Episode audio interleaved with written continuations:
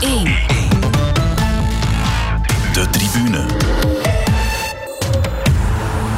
Heel fijn dat je luistert naar de tweede eindejaarspodcast van De Tribune. Net als in de vorige aflevering laten we hier enkele vaste gasten van het programma vertellen over hun sportmomenten van het jaar.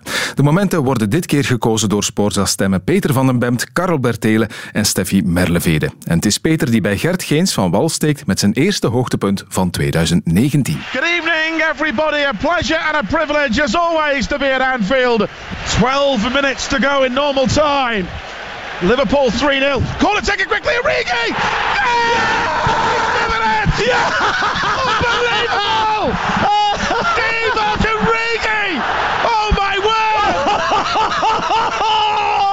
yes! Yes! We've done it! Yes! Liverpool! Yes! The Champions League final in Madrid! It's our greatest comeback Tadic van de Beek wijst al. Ziyech. Oh, fantastisch gedaan. Fantastische goal. Ziyech wijst al waar de bal moet komen. Tadic legt hem daar en met de onhoudbare krul staat Ajax 2-0 voor. Tottenham geeft zeker niet op. Frenkie de Jong is erbij. En Moura neemt over. En Moura scoort. Daar is de aansluitingstreffer van Tottenham. Trippier met wat ruimte. En Llorente. Nee, Onana met een mirakel save. Oh, lost die bal. En nu nog. Wie kan besluiten? Moura erin. Kijk eens aan. 2-2. Ongelooflijk 2-2. De laatste aanval van Tottenham krijgt gestalte. Ali met een bal voor Moura. Oh! Erin. Het is 2-3. Het is 2-3. Lucas Moura. Die dood hier Ajax op de buzzer. Het blijft de meest waanzinnige Champions League campagne ooit. Peter van den Bemt, hallo. Hallo. Je moet eigenlijk geen argumentatie weer geven, denk ik. Gelet op wat we net gehoord hebben. Het is nogal duidelijk waarom je dit gekozen hebt. Uh, onwaarschijnlijke voetbaltweedaagse. Ja, uh, ik herinner me, het was de, tweede week van mei, denk ik. En uh, ik heb in die 25 jaar al wel heel straffe stoten meegemaakt. En, en opmerkelijke comebacks. Want de Champions League de voorbije jaren is toch geëvolueerd naar een soort doldwaas theater eigenlijk. Dus we hadden al wel wat meegemaakt, hè, met Barcelona onder andere. Maar dat dat dan gebeurde Eerst Liverpool-Barcelona, dat was al geweldig. Maar dan de dag nadien, eigenlijk nog veel straffer. Ja, dat je dat op twee dagen kan uh, beleven. Ik denk dat dat voor de eeuwigheid is. Ik kan me niet voorstellen dat we dat uh, straks in het voorjaar opnieuw gaan beleven. Het was, het was ik zou zeggen, voetbal dat, dat ongemeen brutaal en genereus is geweest op een bepaald moment. Alle soorten emoties, de rauwste emoties losgemaakt. Uh, dolle taferelen, maar ook diepe, diepe ontgoocheling. Dus ja, alles wat die sport zo onweerstaanbaar maakt, zat erin eigenlijk. En dat twee dagen na elkaar, dat maakt het zo uniek. Ja, absoluut. En zoals je zei, er is wel concurrentie natuurlijk, want niet zo lang geleden hadden we dan ook al die fameuze 6-1 gehad hè, in, in Barcelona-PSG. Was deze tweedaagse bij u spreken nog straffer dan? Ja, dat vond ik wel eigenlijk. En, en het verschil met die 6-1 uh, van Barcelona tegen PSG is dat ik daar toch, ook al was het geweldig om te beleven, ja, dat ik toch altijd een, een naar smaakje had. Omdat er natuurlijk met de scheidsrechterlijke beslissingen wel wat verkeerd was. Dus in het VAR-tijdperk nu zou, er, zou die 6-1 er nooit zijn gekomen en zou er de rechtvaardige uitkomst zijn geweest. Dat was een kwalificatie voor PSG. Ik zou zeggen, Misschien een klein beetje gelukkig, want oké, het is ook een van de wedstrijden die staat in de annalen van mijn, uh, in mijn carrière. Maar helemaal correct was het niet. En dat was met deze twee wedstrijden wel zo. Het was een 100% zuiver verlopen, een geweldige sportieve strijd, zonder dat je er daar achteraf vragen hoefde bij te stellen. Ja. En bij de eerste ook nog eens met een Belg in de hoofdrol in Liverpool-Barcelona. Ja, en, en, en uh, je weet, je gaat naar Anfield en je weet, daar is van alles altijd wel mogelijk. Maar toch niet tegen Barcelona. En ik weet wel, het jaar voordien hadden ze eigenlijk al een soort gelijke uitschuiver gemaakt op AS Roma. Dus ze hadden het al een keer gedaan. En dan was het 3-1, denk ik. En kregen ze daar dan 3-0 tegen toch maar AS Roma. Maar ja, je had Messi, die nog een geweldige vrije trap maakte. Een van de allermooiste vrije trappen ooit, denk ik, tegen Alisson Becker. Want de kwaliteit van een doelpunt wordt ook mede bepaald, zal ik maar zeggen, door tegen wie je scoort. En tegen Alisson Becker moet die vrije trap dan echt in de kruising zijn. En dat was hij ook. Maar ja, Barcelona heeft toch al een paar jaar de Champions League niet gewonnen. Dit was het eerste jaar en dat gevoel had ik ook na de heenwedstrijd dat Messi dacht, ja, na al die jaren Ronaldo, nu is het wel aan mij. Deze beker is nu van mij. Zo speelde hij daar ook. En dan kan je je op geen enkel moment voorstellen dat Barcelona zo wordt, wordt weggespeeld eigenlijk. Maar ik moet zeggen, de samenzang al van voor de aftrap ja, dat, dat, uh, dat uh, was al een soort dichtknijpen van de keel. Ik had de indruk dat het, dat het van nog dieper kwam dan anders. Die, ja, want ik wou het net zeggen, Peter, want die samenzang is er altijd. Dus er is toch een verschil? Ja, maar je voelde, je voelde dat naarmate de wedstrijd dichterbij was gekomen, dat ze dachten, dat kan hier vandaag toch gebeuren.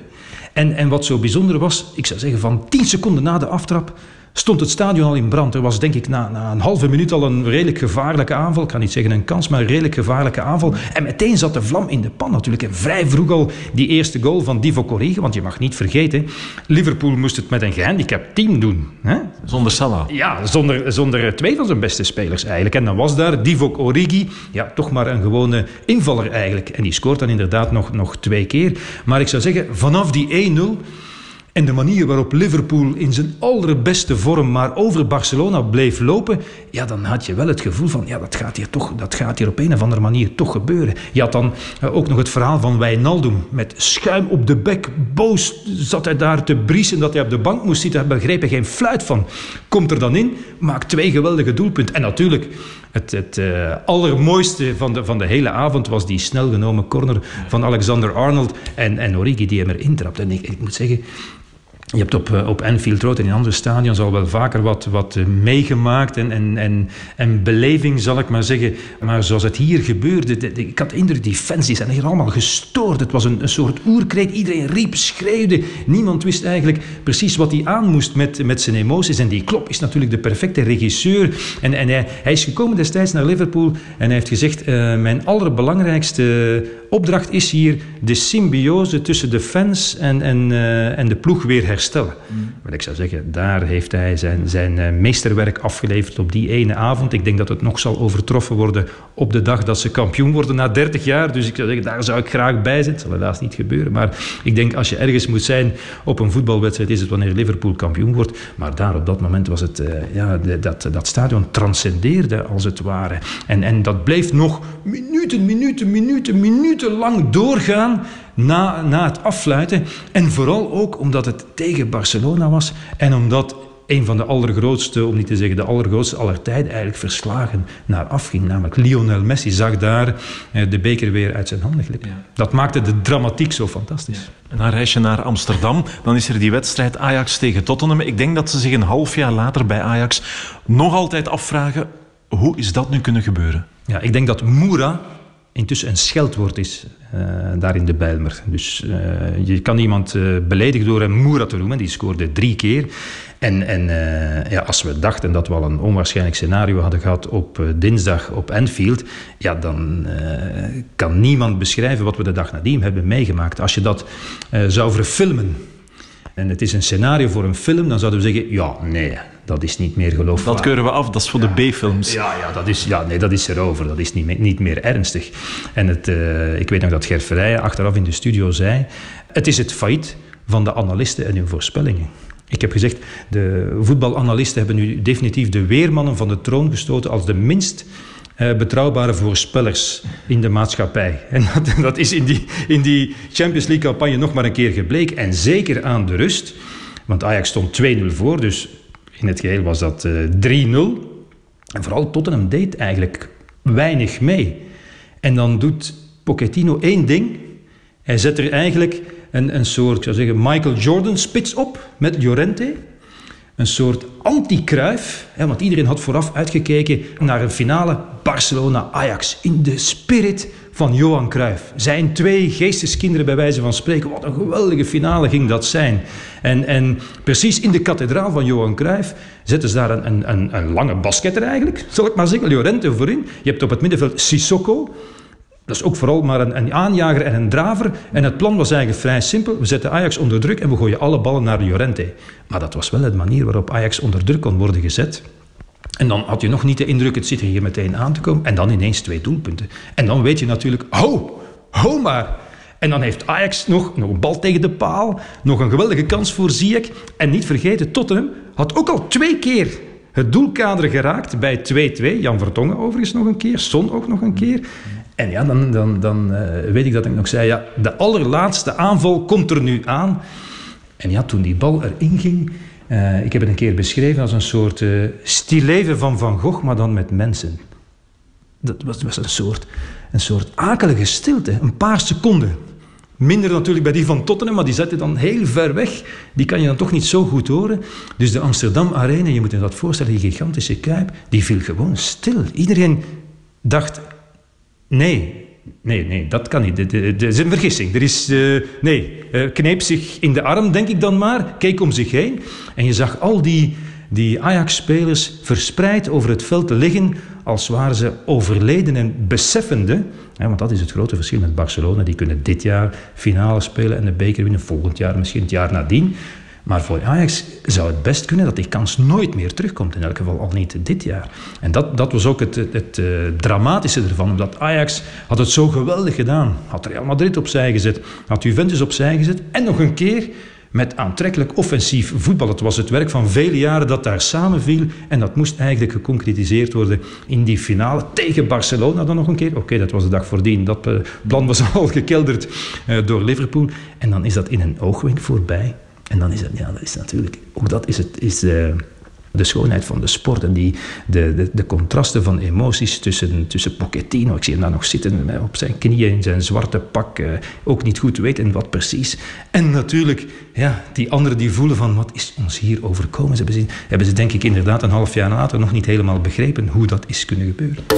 De tribune. Het hoeft niet altijd voetbal te zijn wat de klok slaat, ook niet voor Peter van den Bemt. Zijn tweede moment van het jaar komt dan ook uit een heel andere sport. We're about to create history as the only team ever at a World Cup to lose a pool game and go on and lift the biggest prize of them all.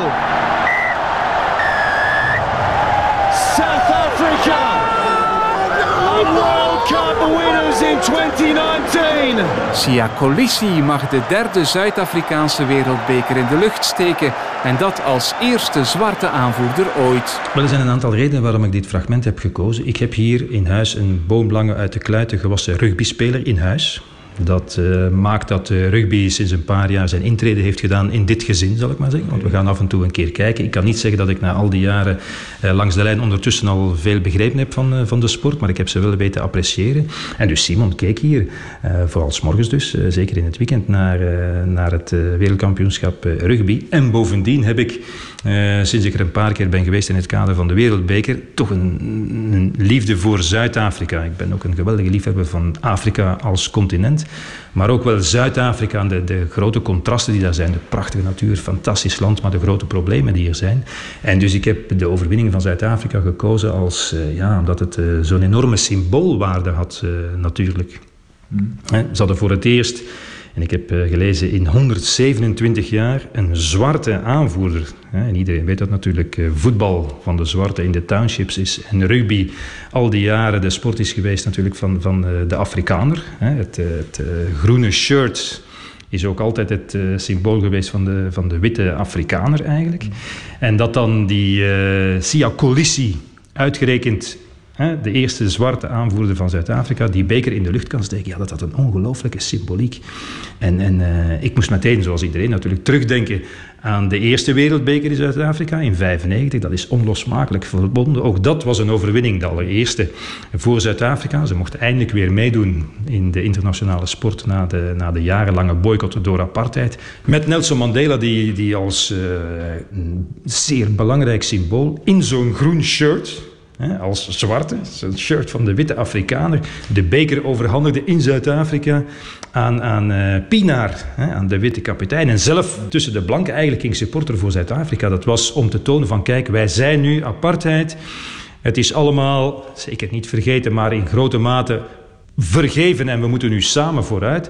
En dat, dat werd gesymboliseerd in de manier waarop Nelson Mandela eigenlijk het rugby omarmde, symbolisch. En nu zijn we nog een stapje verder gegaan. En nu zijn we nog een stapje verder gegaan. Het is een heel belangrijke stap. Hè, want uh, het, de rugbysport heeft, heeft toch een vrij lange traditie van, van racisme. Hoe je het ook draait of keert.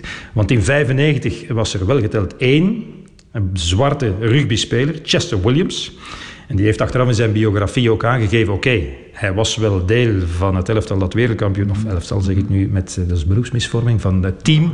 dat uh, wereldkampioen is geworden. Maar hij hoorde er eigenlijk toch niet echt bij. Zeker in de beginjaren moest hij zich bijvoorbeeld omkleden op de bus omdat al die witte rugbyspelers vonden dat hij geen plaats had daarbij. Sommigen vroegen, wat kom je hier doen? Dus ze wilden hem niet in de kleedkamer. Zo verging het op dat moment. Dat is natuurlijk allemaal veranderd. Het blijft nog altijd wel de sport van, van de blanken.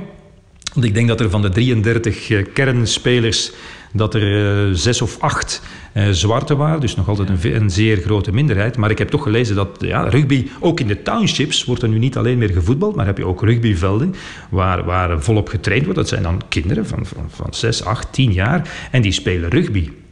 En uh, het is, het is zo'n moment, zeker met die, uh, want hij is, hij is, uh, die Colissi is geboren in een township, dat was zo nog de uitloper van apartheid op het einde ervan eigenlijk. Hij heeft een zeer geëmotioneerde toespraak gehouden en daar ook nog eens onderstreept eigenlijk van kijk, als we echt samenwerken, als we echt willen als blank en zwart de handen in elkaar staan, dan kunnen wij de meest fantastische dingen realiseren in de sport. En de bedoeling is dan ook liefst ook daarbuiten. En het was ook symbolisch. Je zag uh, op televisie zwarte vrouwen, ook in dat shirt van, van Zuid-Afrika, van de Springbokken, interviews geven in euforie over de overwinning van Zuid-Afrika. Dus als je zou kunnen zeggen, sport verenigt een land dat begint in dat rugby en, en dan in Zuid-Afrika stilaan wat te komen dan blijven.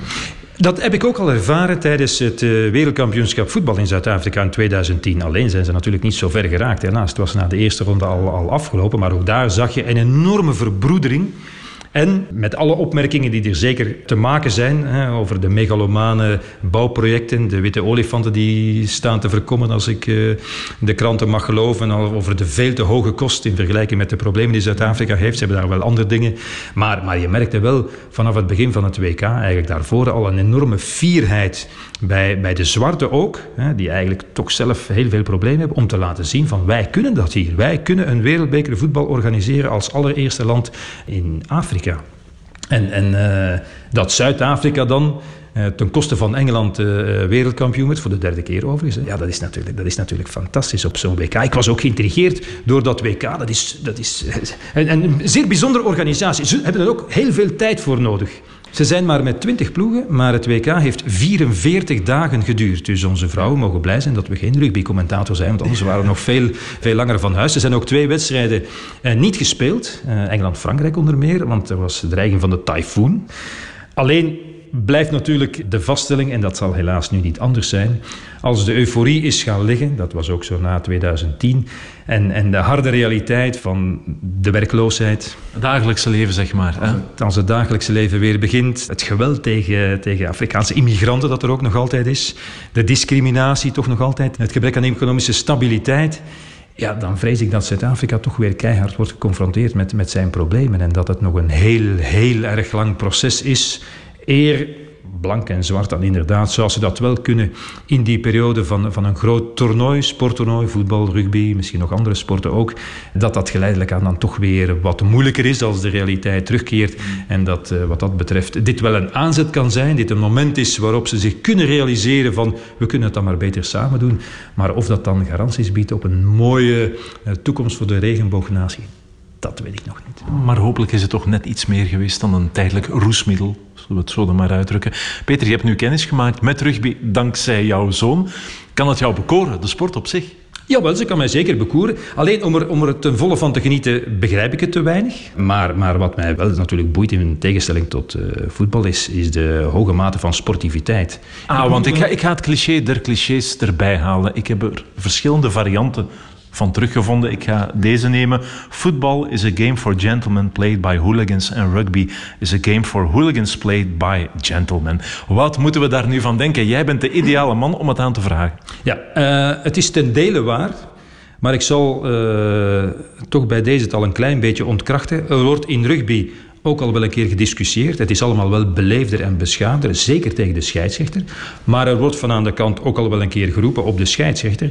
En ik heb in die korte periode dat ik het rugby volg dan, en dat is dan nog maar het jeugdrugby, ook al wel een paar vechtpartijen gezien. Dus het is niet zo dat ze elkaar altijd en overal vriendelijk de hand schudden. Dus het kan daar ook wel een keer er heftig aan toe gaan. En er wordt ook wel eens een, een wat vuilere of net iets hardere tackle dan nodig gedaan als de frustraties een beetje opborrelen. Maar laten we zeggen, in het algemeen is het gewoon een veel beschaafdere sport, een veel beschaafde manier van aan sport doen dan voetbal Helaas, moet ik zeggen, als groot, als groot voetballiefhebber. Maar om nu te zeggen dat ik mij binnen de kortste keer of zelfs op wat langere termijn zal afwenden van het voetbal en zal bekeren tot het rugby, nee, dat gaat niet gebeuren. Maar wij blijven elkaar vriendelijk bejegenen. Peter van den Bemt, dankjewel voor jouw bijdrage. Graag gedaan en al de beste wensen voor een onvergetelijk 2020 belangrijk sportjaar. De tribune. Voor wielerjournalist Karel Bertele was 2019 een topjaar als het over de koers gaat, want de Belgen lieten heel veel mooie dingen zien. Er was de verbazingwekkende Remco Evenepoel, Philippe Gilbert won Parijs-Roubaix, Wout van Aert, Thomas de Gent en Dylan Teuns schitterden met ritzeges in de Tour, maar toch koos Karel nog voor een ander moment. Dat hoor je in een gesprek met Hermine van Beveren.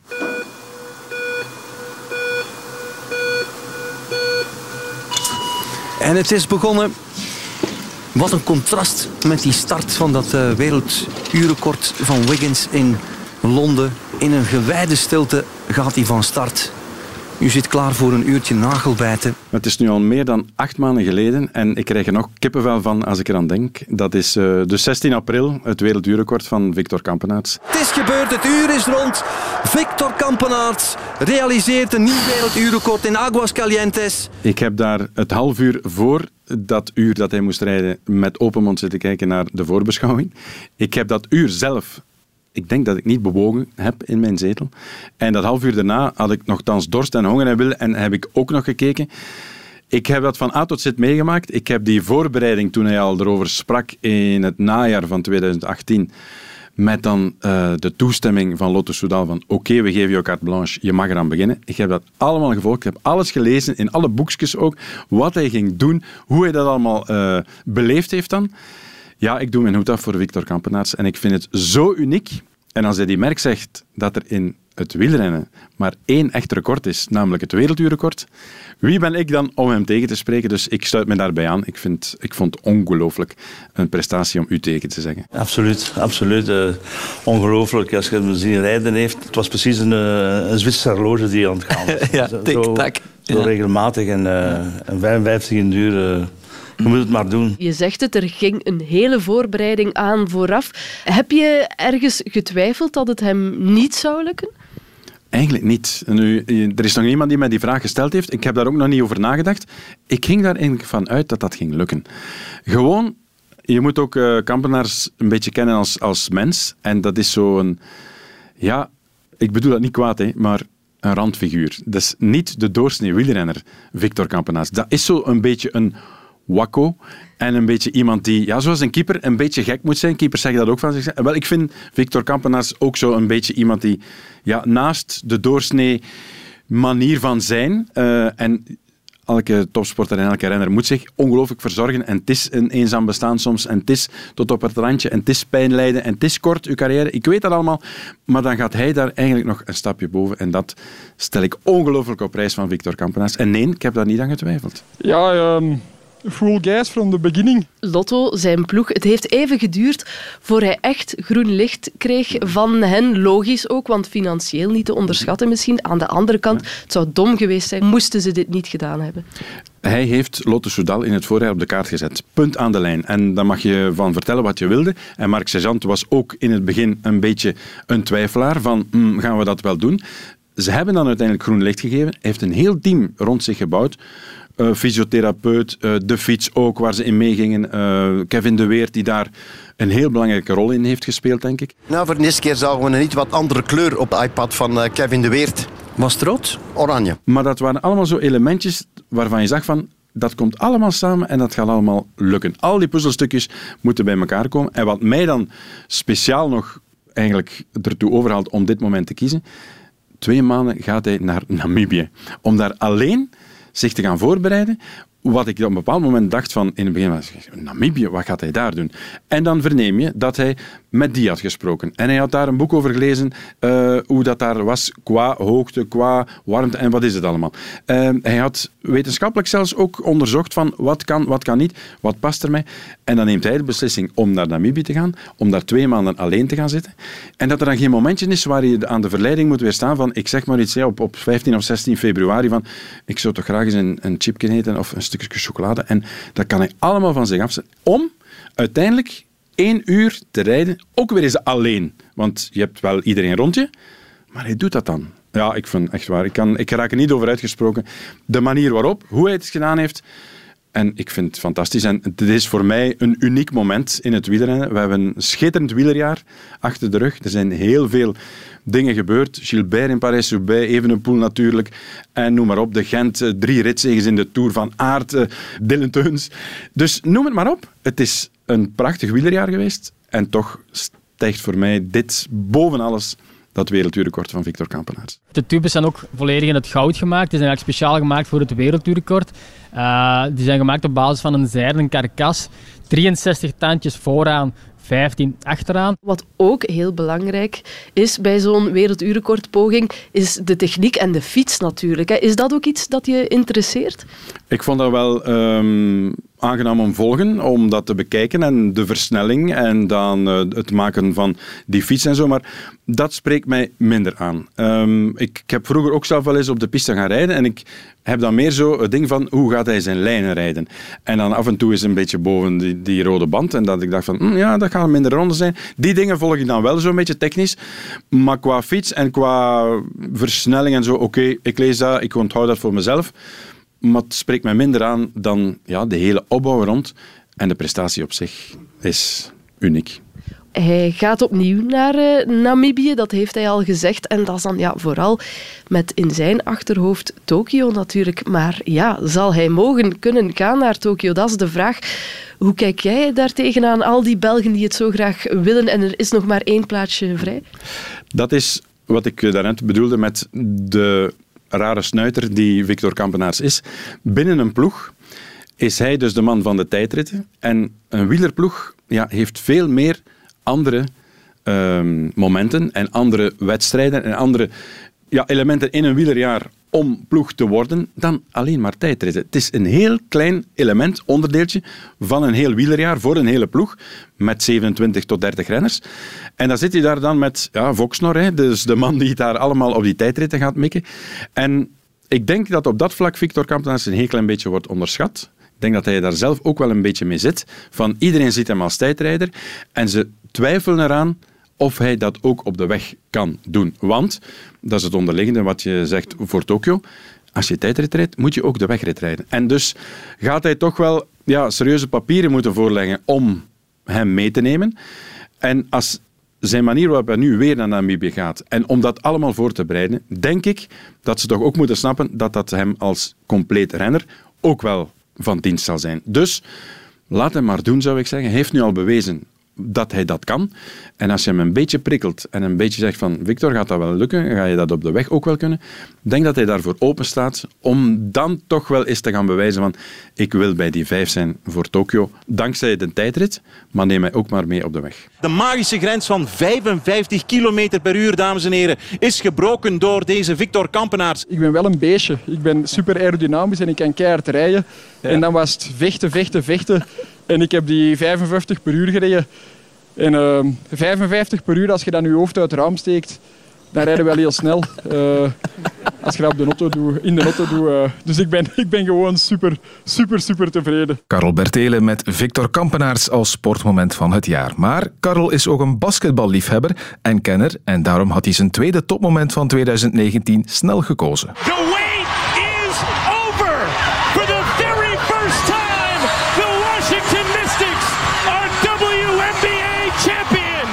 Ik kan niet langs Emma Meesman heen. Voor mij persoonlijk is ze de sportvrouw van het jaar, sowieso. En het feit dat ze dat heeft kunnen doen in een uh, wereldsport, want basketbal is toch een wereldsport, als vrouw kampioen geworden in Amerika, de bakermat van het basketbal, en nog eens verkozen worden als beste speelster van de finale, van de playoffs, van het vrouwenbasketbal. Het is uniek. Het is iets wat een andere vrouw nog nooit heeft kunnen doen. En ik ken Emma een heel klein beetje, omdat ik basketbal bij de vrouwen nu al een tijdje volg. En dus haar manier van zijn ook, haar persoonlijkheid, ja, dat doet daar dan nog eens een beetje, hoe moet ik het zeggen, peper en zout bij, om die verkiezing helemaal, uh, voor mij als moment, helemaal, en zelfs moet ik er niet bij nadenken, om dat als tweede moment sowieso te kiezen. Zij zet prestaties neer, zij laat anderen genieten daarmee. Ze brengt ook al zo andere skets naar een hoger niveau. En eh, de- dat eh, siert daar enorm. Ja, die persoonlijkheid, misschien eerst daarover. Ja, het is iemand heel rustig en down to earth. hè. De bescheidenheid van Emma Meesman is eh, du jamais vu, moet ik zeggen. Ik heb haar gevraagd toen ze terugkwam uit Amerika, Emma, waarom ben je zo goed? Dat is een vraag waar ze van haar stoel valt, want daar denkt ze dus niet over na. Eh, ze vindt dat een beetje gênant als iemand haar dat zelfs voorlegt. En het wordt een heel klein beetje een gimmick, denk ik, maar ze is zo. Daar ben ik nu wel achter. Je moet haar niet elke keer gaan vragen van zeg, en toch ben je zo een ploegspeelster en je bent toch zo bescheiden ook in jouw prestaties. Ze is gewoonweg zo. Maar dat is dus een surplus voor een ploeg ja, waar je eigenlijk niet kunt over, over, over oordelen. Ik bedoel, ehm, zij is de beste van het team. En zij laat ook iedereen beter worden. Door haar manier van zijn ook. Want het is geen, om het in een mannensport te noemen, geen eikel. Het is niet een super egoïstische eh, topspeler die alles naar zich toe trekt en waar alles moet ronddraaien. Nee, ze weet dat ze de beste is. Ze maakt het verschil. En ze laat de anderen ook scoren. Als ze vrij staat, geeft ze haar, als ze iemand vrij staat, pardon, en ze ziet dat, want ze trekt altijd twee spelers op zich, dan geeft ze die bal af. En op dat vlak vind ik de waarde van Emma Meesman als persoon ook bijna even hoog in te schatten als haar sportieve kunsten. So much talent, but we do have to pick one MVP. 22 points tonight, and she did it all series off the bench. Emma Miesemin, your MVP. En Emma was natuurlijk al absolute top, dat zeker. Maar door die eh, WNBA Finals is ze eigenlijk helemaal op de kaart gezet. Hè? Zie je dat ook zo? Ik denk dat er zelfs nog een beetje rek op zit op Emma Meesman. Die gaat nog beter worden. Eh, die combinatie met op het allerhoogste niveau spelen in Amerika. Ondertussen al drie kampioenschappen achter de rug. Twee EK's, een WK. Weer naar Rusland om daar ook Europese top te spelen. Dus het kan niet anders dat Emma Meesman nog beter wordt. En omdat de meeste speelsters van de Cats ook in het buitenland spelen, gaan die ook allemaal nog een heel klein beetje beter worden. Dus ik denk dat we met de Cats, die nu al tegen Europese top op een EK-medaille net niet aanleunen, dat dat een ja, constante waarde gaat worden. Ze zullen allemaal elkaar ook beter maken. En binnenin de ploeg maakt Emma Meeseman dan ook die andere nog eens beter. Ze speelt iets sneller, ze denkt iets sneller, ze loopt zichzelf iets sneller vrij. Je kunt dat zien als je naar een match kunt kijken en je volgt alleen Emma Meesman, dan zie je de waarde van haar binnen in het spel. Als je commentaar moet geven over een match, kijk je daar een beetje als helikopterzicht over en je ziet dat niet alleen maar achteraf de punten en de waardes op het eh, scheidsrechtersblad. Maar Emma Meesman is iemand die nu al in de voetsporen van Anne Wouters is getreden. Iedereen vindt Anne Wouters ook al wauw. Emma gaat daarover gaan. En ik denk dat over een paar jaar Emma Meesman, ja, ik ga niet zeggen dat ze de beste van de wereld gaat worden, maar als ze een beetje nog het niveau van de speelsters van de Belgian Cats mee omhoog kan trekken, dan denk ik dat we nog veel rekening aan moeten houden met mogelijke medailles op grote toernooien voor de Belgian Cats. Ja, het beste moet nog komen. En het was al zo goed. En we hebben al die WNBA genoemd. We hebben al de Belgian Cats genoemd.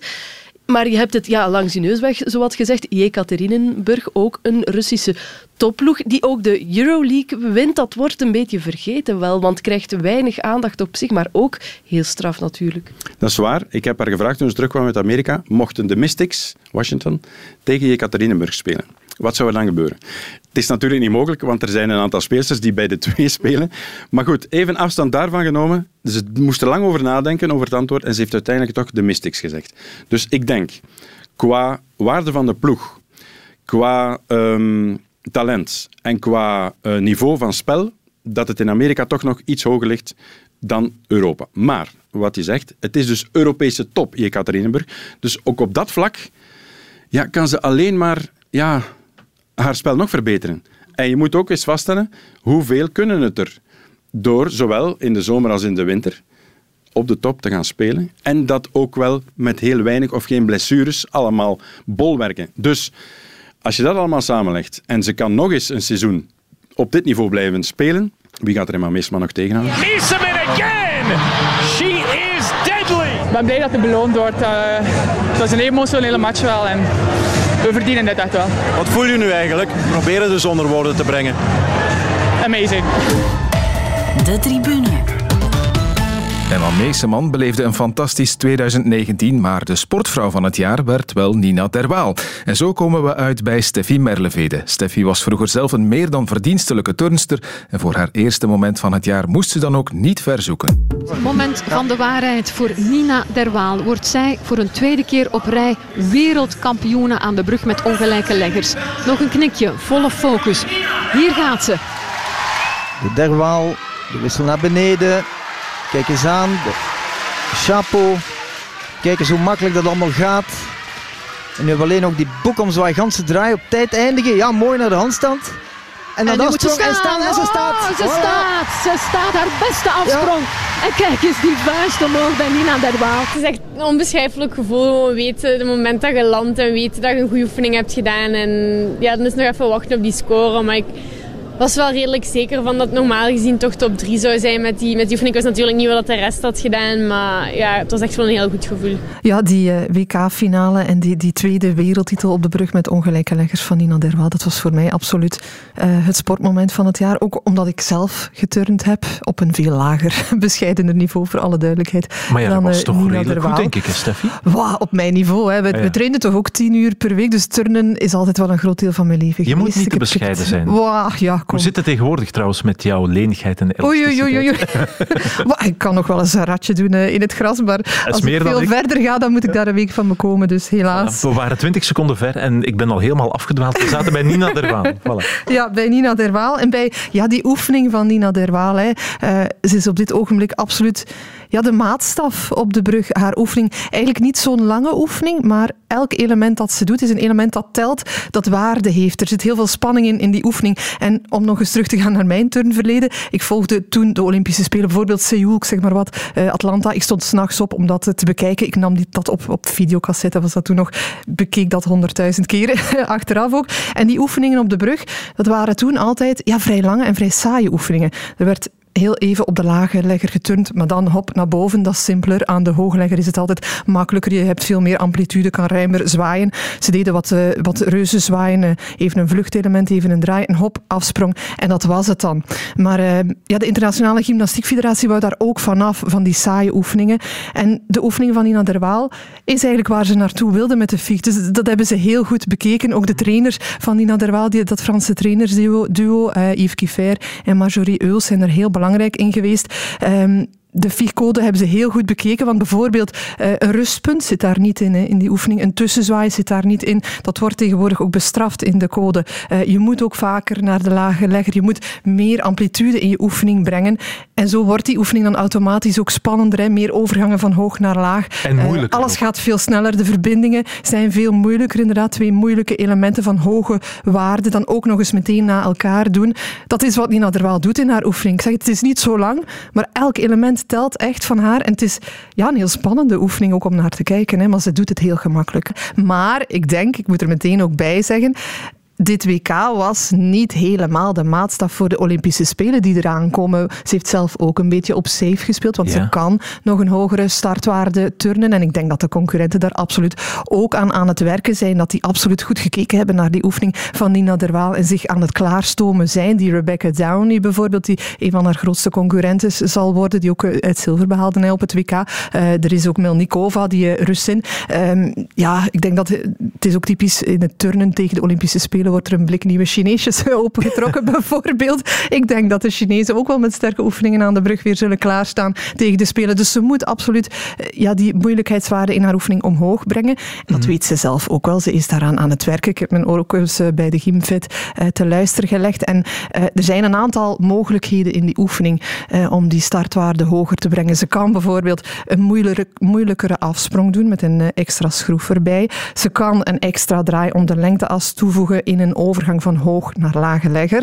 Eh, ze kan een extra vluchtelement doen, dat kan ze. Eh, helemaal in het begin van de oefening, een vluchtelement is even de legger loslaten, Ja. een soort van salto doen en over die brug gaan. Dat kan ze. Ze heeft dat al gedaan op de European Games, is toen wel gevallen, maar goed, ze kan het. En hoe gaan ze dat nu doen om naar die oefening toe te werken voor de Spelen? Wel, ze gaan met een aantal internationale juryleden die er zijn bij eh, de Gymnastiekfederatie, gaan ze samen zitten. Nina Derwaal gaat de opties doen met de dingen die ze kan doen. En dan gaan ze kijken, ja, waar ligt de balans het best tussen startwaarde en foutenlast? Wat zou het beste zijn? En dan gaan ze de knoop doorhakken en baan met die oefening ja, werken richting Ja. de Olympische Spelen. Dus En de moeilijkheidsgraad verhogen en toch het risico in de mate van Op foutenlast, ja. proberen te beperken. Ja, want dat telt natuurlijk ook in die punten. Hè. Hoeveel fouten maak je? Zijn je knieën gestrekt? Zijn je benen eh, gesloten? Eh, bij de afsprong, ja, niet te ver door de knieën buigen. eh, stabiele landing enzovoort, dat telt ook. Hè. Ja, en wie beslist daar dan uiteindelijk in? Zijn dat de Ik- twee coaches of, of ja, Dat Nina zal een beetje in samenspraak zijn, want Nina Derwaal ja, staat sterk genoeg in haar schoenen om, om ook te zeggen waar zij zich het beste bij voelt. Maar ik denk dat de drie, de juryleden, de coaches en Derwaal, samen die beslissingen gaan nemen. Mogen die juryleden dat eigenlijk? Want ja, het zijn eigenlijk juryleden. Het zijn, Het zijn geen internationale juryleden die ook een, een functie hebben bij de Gymnastiekfederatie. Dus die gaan zich daar absoluut eh, Ja. in moeien. Absoluut, ja, die gaan zich daar eh, Ja. in moeien. Ik heb trouwens ook via de Gymfed eh, vernomen dat ze in juli ook eh, een soort van Olympic Trial gaan organiseren hier in België. Ehm, waar dan hopelijk de concurrenten ook eh, naartoe komen. Dus dat ze al een beetje kunnen monsteren wat die gaan doen op de Spelen. Dus die Rebecca Downey zal zeker en vast uitgenodigd worden.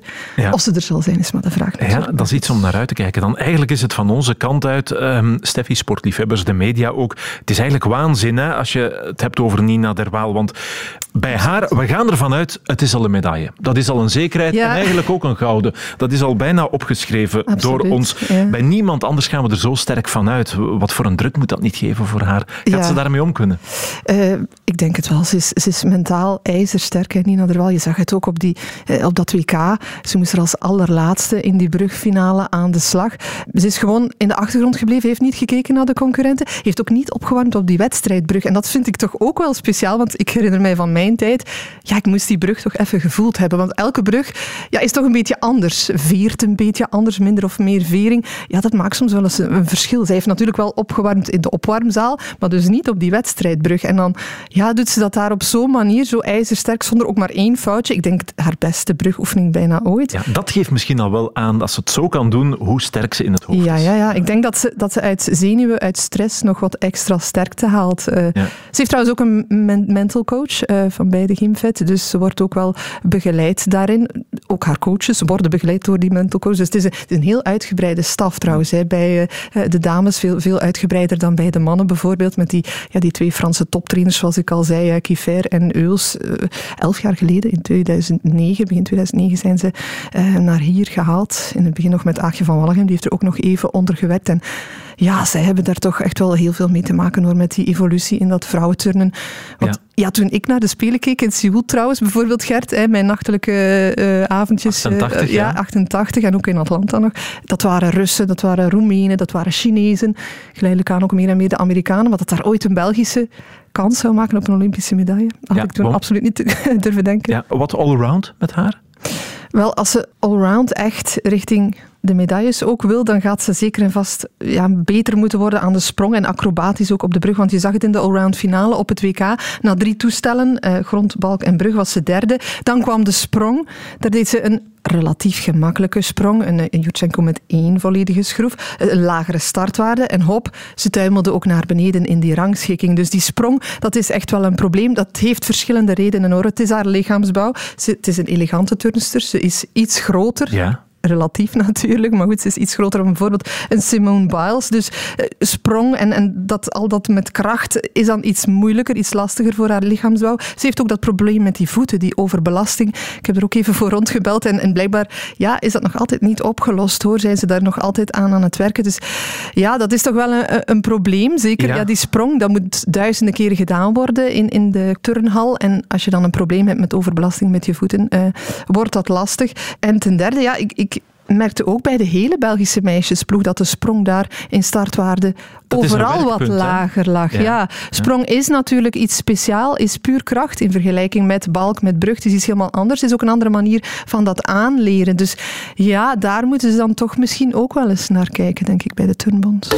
De tribune. Nina Derwaal, een van de grote favorieten in 2020 op een gouden Olympische medaille. Voor ons laatste moment van deze eindejaarspodcast kiest Steffi Merlevede voor het grootste sportcircus dat in 2019 door België gepasseerd is. Ja, ik, uh, ik probeer mij een weg te banen, maar het staat rijen en rijen dik.